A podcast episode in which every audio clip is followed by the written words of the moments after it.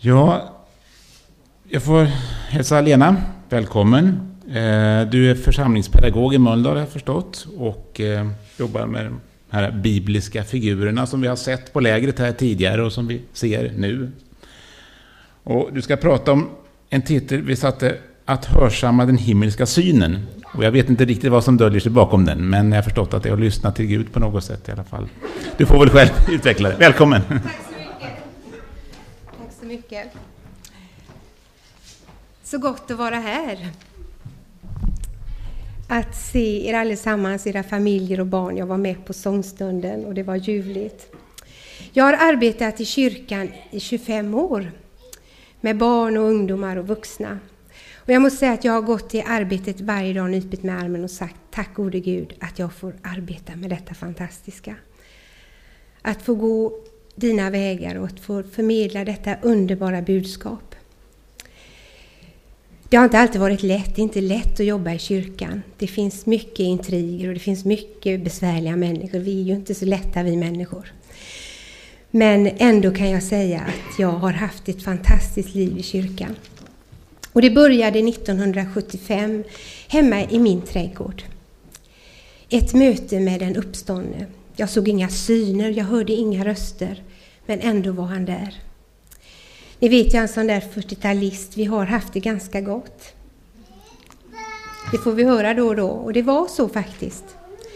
Men eh, det, det liksom tillfredsställer inte vår längtan efter det verkliga livet och det riktiga livet.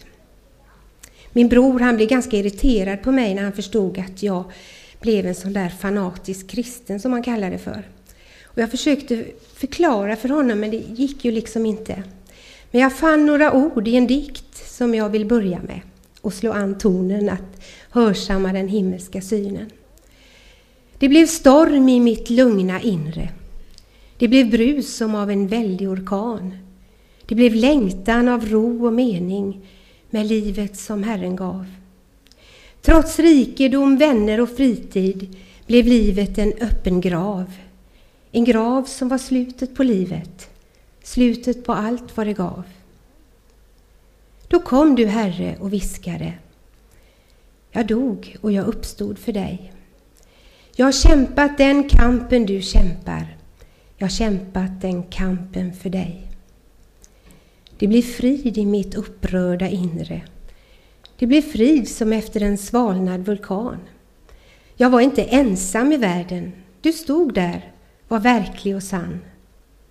Du fick fylla mitt tomma inre och du fick fylla mitt liv med ditt. En evighetsmorgon nalkas en gång på en annan strand.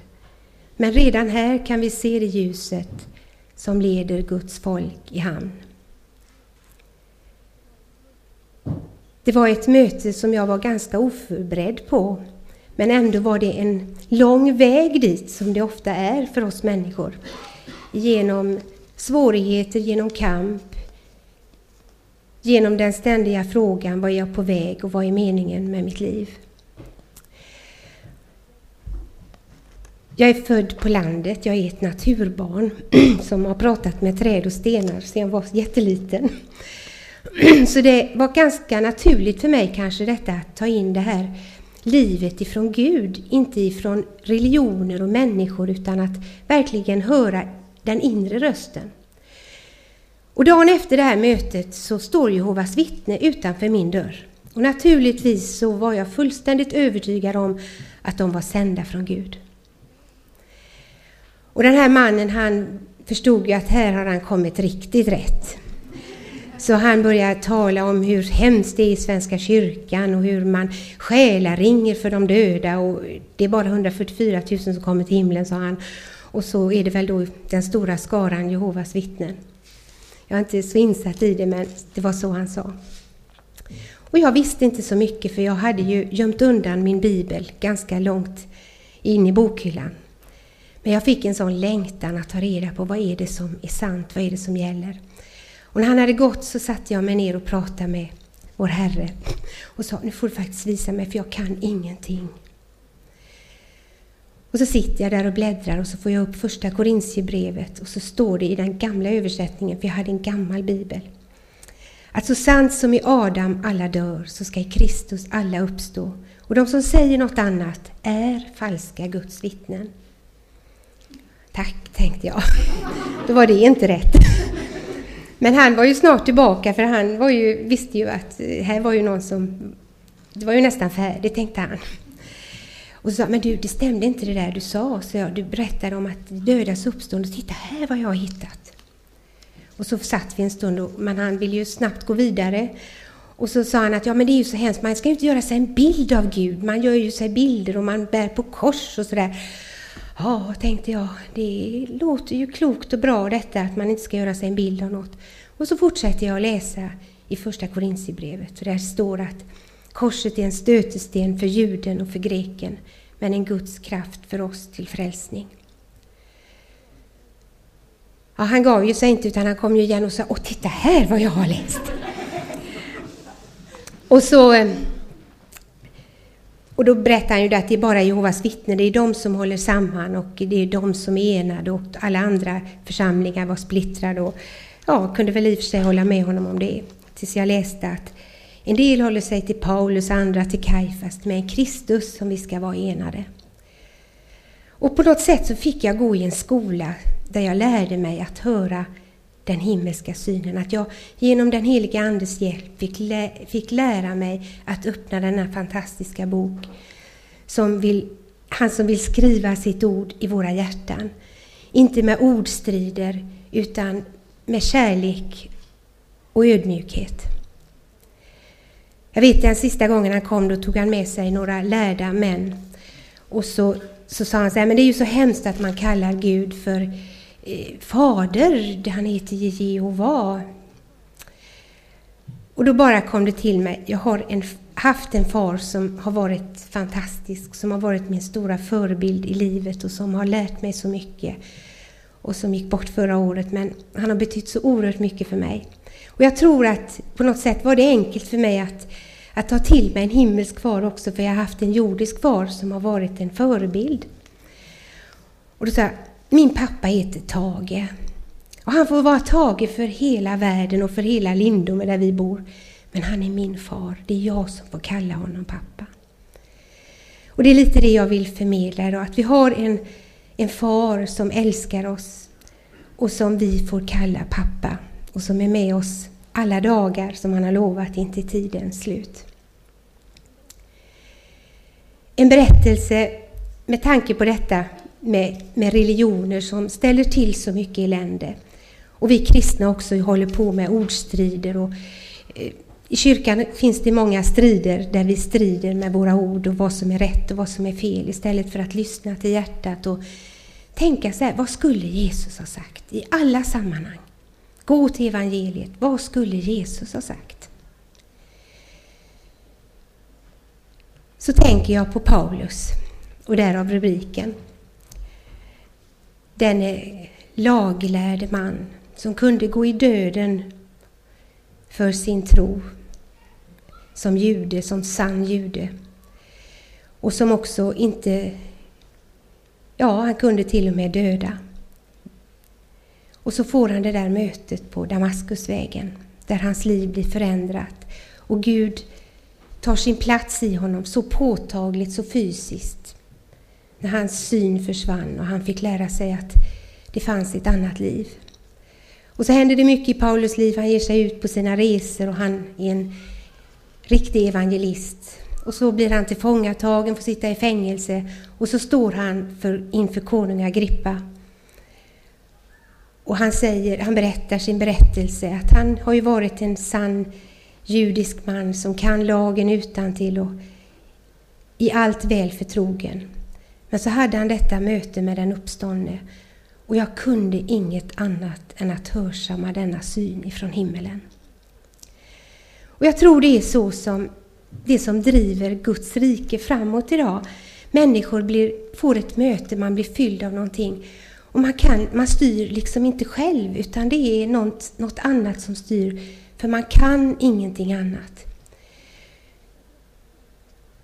Jag tänker också på en annan berättelse som har betytt så oerhört mycket för mig och som jag ofta går tillbaka till.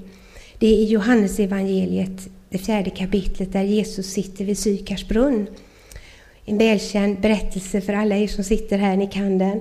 Hur kvinnan får möta Jesus där mitt på dagen och hur hon blir lite religiös och frågar vad man ska tillbe Gud någonstans, om templet i Jerusalem eller vid Jakobs källa. Och Jesus säger de här underbara orden till henne. Om du visste vem du talade med så skulle jag ge dig det levande vattnet som skulle bli en ström i dig. Jag citerar kanske inte riktigt bibelordet här nu men det är ändå vad som menas i den texten och hur hon ger sig ut.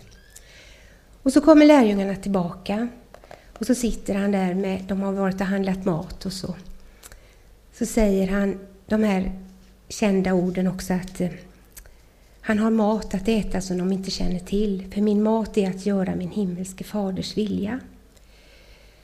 Att, eh, att det är en tillfredsställelse att få leva den här relationen, att få göra Guds vilja. Inte i de stora sammanhangen kanske, men att vara bara på rätt plats och ta in den himmelska synen, att vara vaken för de människor vi möter. Och så säger han till lärjungarna, ni bara flyttar fram och flyttar fram. Se hur fälten vitnar till skörd. Och så tror jag det har varit i kristenheten också. Vi håller på att tappa gnistan lite grann i våra kyrkor. Vi försöker med olika grepp för att fånga människor. Stora evangelister har åkt omkring. Och, men jag tror att det är den vanliga människan, i det vanliga mötet i vardagen som Guds rike växer sig så starkt idag. Kanske inte på de stora estraderna eller de stora väckelsemötena, men från människa till människa där man berättar om att vi kan inte låta bli att tala om vad vi har sett och hört. Det där mötet jag hade 75 tror jag berodde på att det fanns en beredd mark. Jag såg barnen sitta här framme och höra berättelsen om Daniel idag. Och det var så här när jag var en liten flicka. Jag bor faktiskt kvar på samma plats som jag bott hela mitt liv. Det är lite unikt. Mina föräldrar hade en bondgård och min man och jag har byggt där intill.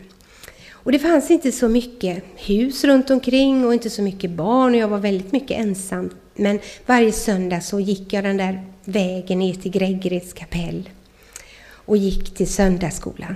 Och där var moster Lydia. Hon var inte min moster, men alla kallade henne för moster Lydia. Hon var gammal och hon var mycket klok. Och de gamla metodisterna, vet ni, de, de levde som de lärde. Det var en fromhet som följde allt vad de gjorde. Liksom det var förebilder man fick som barn. Och moster Lydia hade en lång svart fläta. Hon var så vacker. Och inte ett enda grått hår. Och så gick hon och hämtade pianopallen. Och så lyfte hon fram den och så öppnades hela den här fantastiska världen för lilla Lena då, som gick till kapellet. Och jag förstod att jag har fått med mig en skatt, redskap att tolka mitt liv där hos moster i kapellet, som är så värdefullt. Och det är mycket det som har drivit mig i mitt arbete med barn och med konfirmander och andra. Att ge bilderna, att ge redskapen. För det är så farligt med alla dessa religioner, alla dessa människor som försöker påverka på ett felaktigt sätt. Men har man fått berättelserna, de sanna berättelserna, evangeliet till sig på ett rätt sätt, så är det någonting som bär, någonting som man kan leva på och som finns där hela, hela tiden. Och när jag jobbade i kyrkan så försökte jag ju på alla vis som vi gör i kyrkan. Vi gör dra dramatiseringar och vi håller på. Och så kom jag då för, jag kommer inte riktigt ihåg hur många år sedan det var, kom i kontakt med de bibliska figurerna. Och naturligtvis så ringde den lilla klockan, moster i kapellet. Oj, oj, oj, det här var ju verkligen någonting att få illustrera och ställa scener. Och jag såg en utställning med de här vackra gestalterna som, som eh, jag också ställt en scen här framme och anmälde mig genast till en kurs. Men det var inte helt lätt för att kurserna var väldigt, väldigt dyra och materialet var väldigt, väldigt dyrt. Och kurserna fanns i Schweiz och de fanns i Stockholm någonstans och det var inte bara att ge sig iväg på en kurs. Och jag brann ju, jag hade ju varit på en kurs, det blir som man lär sig att spela piano vet ni, då vill man ju öva. Men jag fick inte det utan det var liksom något mystiskt med detta. Det var nästan, nästan lite avbilder. Och jag såg ju det inte så, utan jag såg ju som redskap för att, att sprida det här underbara evangeliet. Men Gud är ju så fantastisk, när man vill någonting riktigt mycket så är det precis som han är med på något sätt och fixar till det. Och jag hade en bibelstudiegrupp i kyrkan. Underbara tanter och de sydde dockor också, Waldorfdockor. Och de var i en affär i Jönköping och så stod de där och pratade om att ja, Lena, hon har ju det här med bibliska figurer. Det är synd att hon inte får hålla på, att hon kan skaffa material.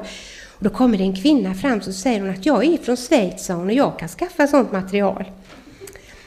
Och så fick jag det där telefonnumret och fick en jättefin kontakt. Hon var konstnärinna och jobbade mycket med, med karnevaler, någonting.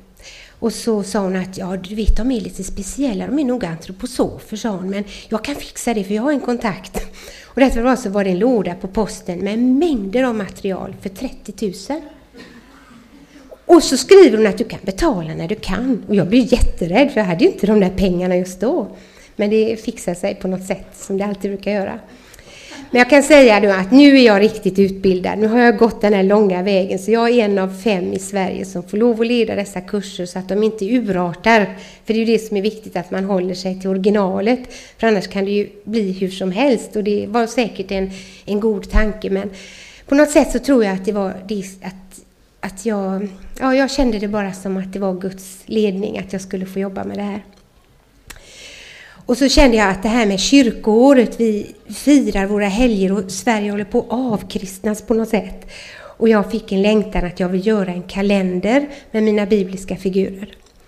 Så 2003 så jag sitter i Stensus styrelse så övertalar jag de andra i styrelsen att nu ska jag göra en kalender.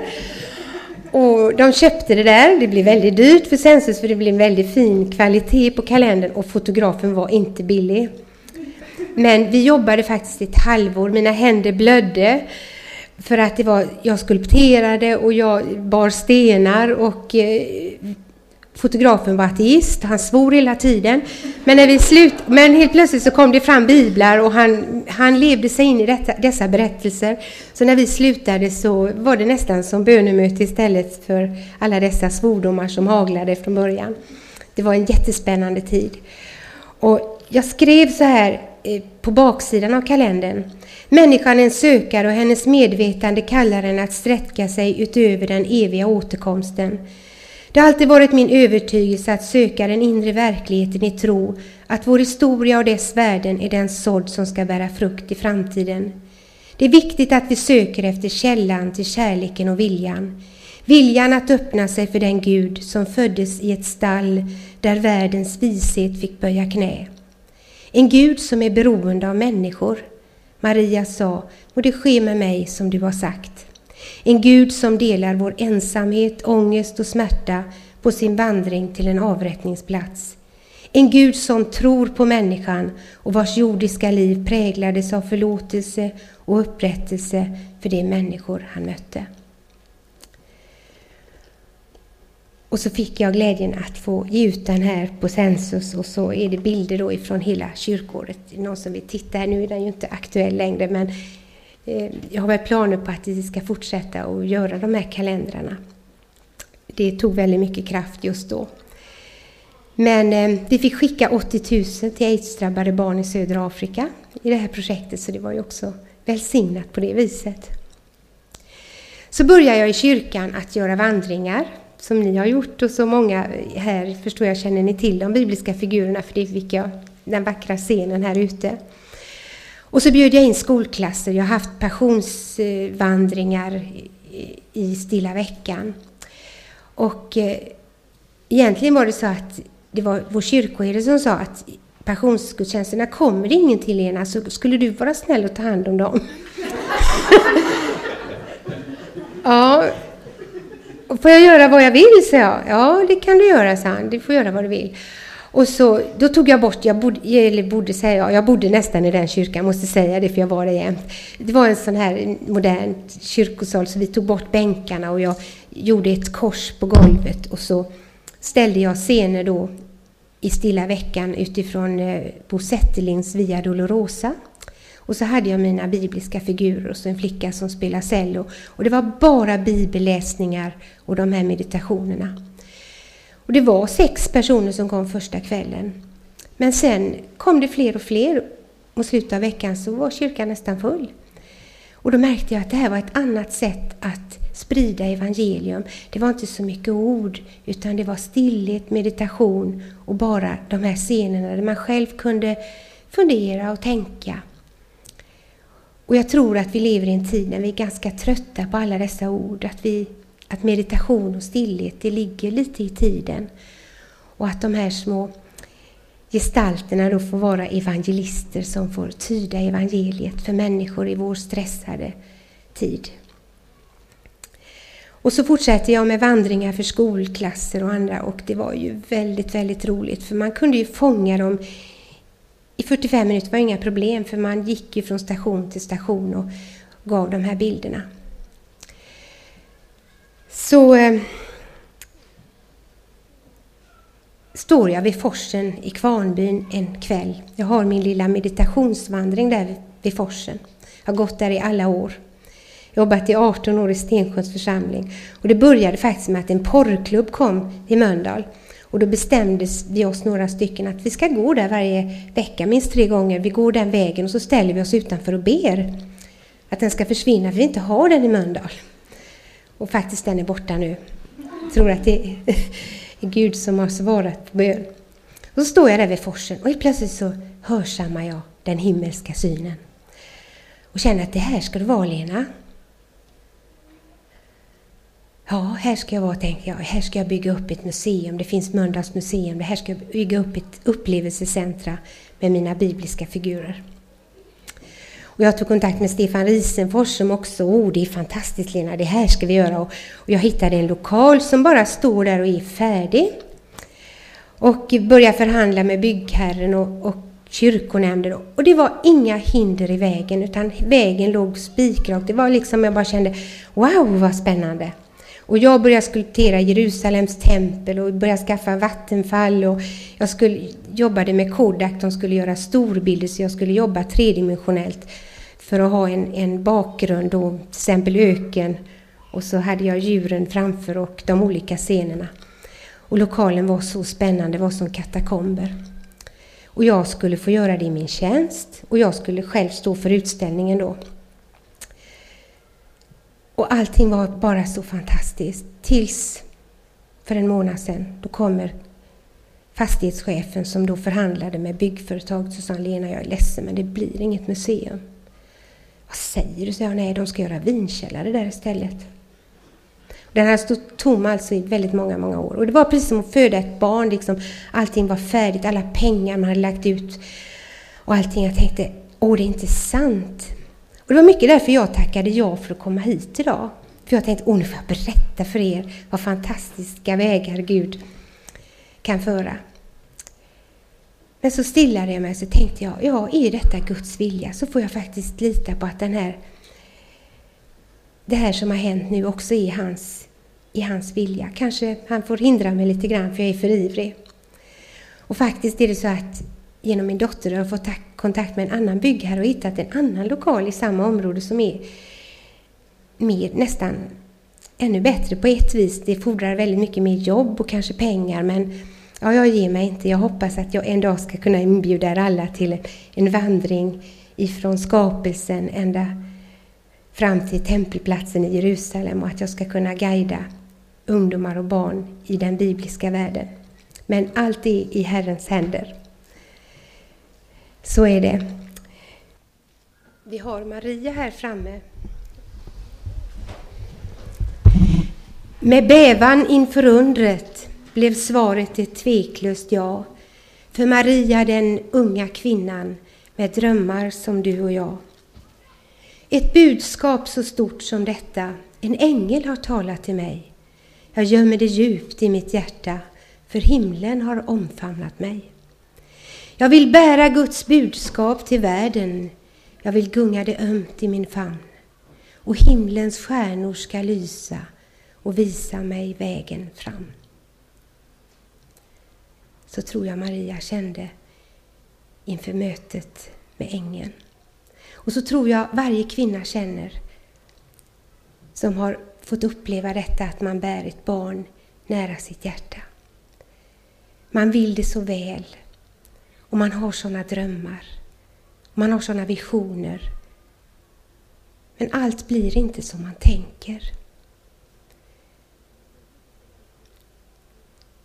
Det tog inte så lång tid förrän Maria fick vandra den långa vägen ifrån Nasaret till Betlehem, höggravid. Fick föda sitt barn i ett stall. Gud själv steg ner, ända ner i skiten, som min gamle kyrkoherde alltid sa, Gustav Lindman i Kållered, en stor man som finns hos Herren nu. Och det är faktiskt så att det är där Gud föddes. Och Maria, hon undrade nog, var det detta jag sa ja till? Och så glimmade det till. Änglarna kom och de vise männen med gåvor och mitt i allt detta mörka så lyste det upp en stund. För att än en gång bli mörkt igen när de hastigt fick fly till Egypten. Vad kände Maria då? Och det är ju så, det handlar om den smala vägen på söndag. Och det finns ingen annan väg, det finns ingen annan väg. Men Gud är där också. Jag tänker på oron som hon delar med alla mödrar idag. Vad har hänt barnen? Vad gör de nu? När Jesus som tolvåring satt kvar i templet och de var på väg tillbaka igen och han var försvunnen. Marias oro. Eller kanske vara mor till det där annorlunda barnet som inte är som alla andra. Det är inte lätt det heller. Och något som jag funderat mycket på det är berättelsen när, när eh, Maria och Jesu bröder söker honom. Och han liksom riktigt nästan förnekar Maria, men hon kanske inte hörde det när han säger att vem är min mor och vem är mina bröder? Det är var och en som gör den himmelske faders vilja. Hon den utvalda fick stå där kanske och känna att hon var en som alla andra. Det är så Gud arbetar, att vi får känna det hela tiden, att Gud förkroppsligas i oss, att vi får känna det där att ja, det finns bara en väg och den är smal. Och det allra, allra svåraste att få följa sitt eget barn in i döden. Vilken mor orkar det? Det kanske man måste orka, men det är, det är nog bland det värsta man kan vara med om. Så Maria är en stor förebild och som kan tala tydligt om det här med att hörsamma den himmelska synen. För med alla kvinnor i alla tider så delar du, Maria, vår oro och vår smärta. Uppbrott och flykt i natten, oro och sömnlösa nätter blandat med en oerhörd glädje. Och så barnet som finner sin egen väg.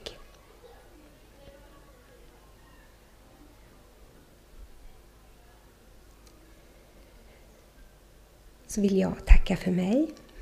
Jag skulle kunna stå här och berätta mycket ur mitt liv om att hörsamma den himmelska synen. Men vi kanske kan sjunga och be tillsammans och fundera över detta med att att Gud har faktiskt inga andra händer än våra händer, inga andra fötter än våra fötter, ingen annan röst. Och att det är vår kallelse som kristna, att vara hans händer. Det finns hungrande, törstande, ledsna människor överallt. Jag, hörde, jag var ju på konfirmandläger nu med 30 ungdomar. Under lägrets gång så var det en pojke som stod en dag och så berättade han att min pappa dog igår, sa han. Han tog sitt liv. Han blev bara 42 år. I gruppen fanns en annan flicka vars pappa tog sitt liv förra året. Det är mycket nöd i vår värld. Men Gud finns där också. Han finns där för att vi finns där. Och vi får aldrig sluta att hoppas. Och jag vill sluta med en dikt ifrån Karin Boye som jag kanske, jag läser nog den varje dag för mig själv lite grann. Att livet, nu är jag ju så gammal också, där man kanske blir sån att man tar vara på livet mer och mer. Det är inte självklart att man ska få vara med. Att varje morgon man vaknar så tänker man en dag till att få leva, vilken nåd. Jag måste göra något roligt den här dagen, även om det kanske är att spela golf ibland eller springa den här milen eller vad ni gör. För Gud är där också.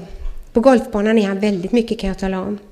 Det finns så mycket ensamma människor som, som är där och som söker gemenskap. Och de vet ju inte vad de letar efter. Men det är vi som ska vara där och tala om det. Karin Boye har sammanfattat det i dikten Och låt mig leva riktigt och riktigt dö en gång så att jag rör vid verkligheten i ont som i gott. Och låt mig leva riktigt och vörda det jag ser så detta får bli detta och inget mer. Om av det långa livet en enda dag var kvar då sökte jag det vackraste som jordelivet har. Det vackraste på jorden är bara redlighet och det ger ensamt liv till liv och salighet. Så är den vida världen ett daggkåpeblad och in i bladet vilar en vattendroppe klar.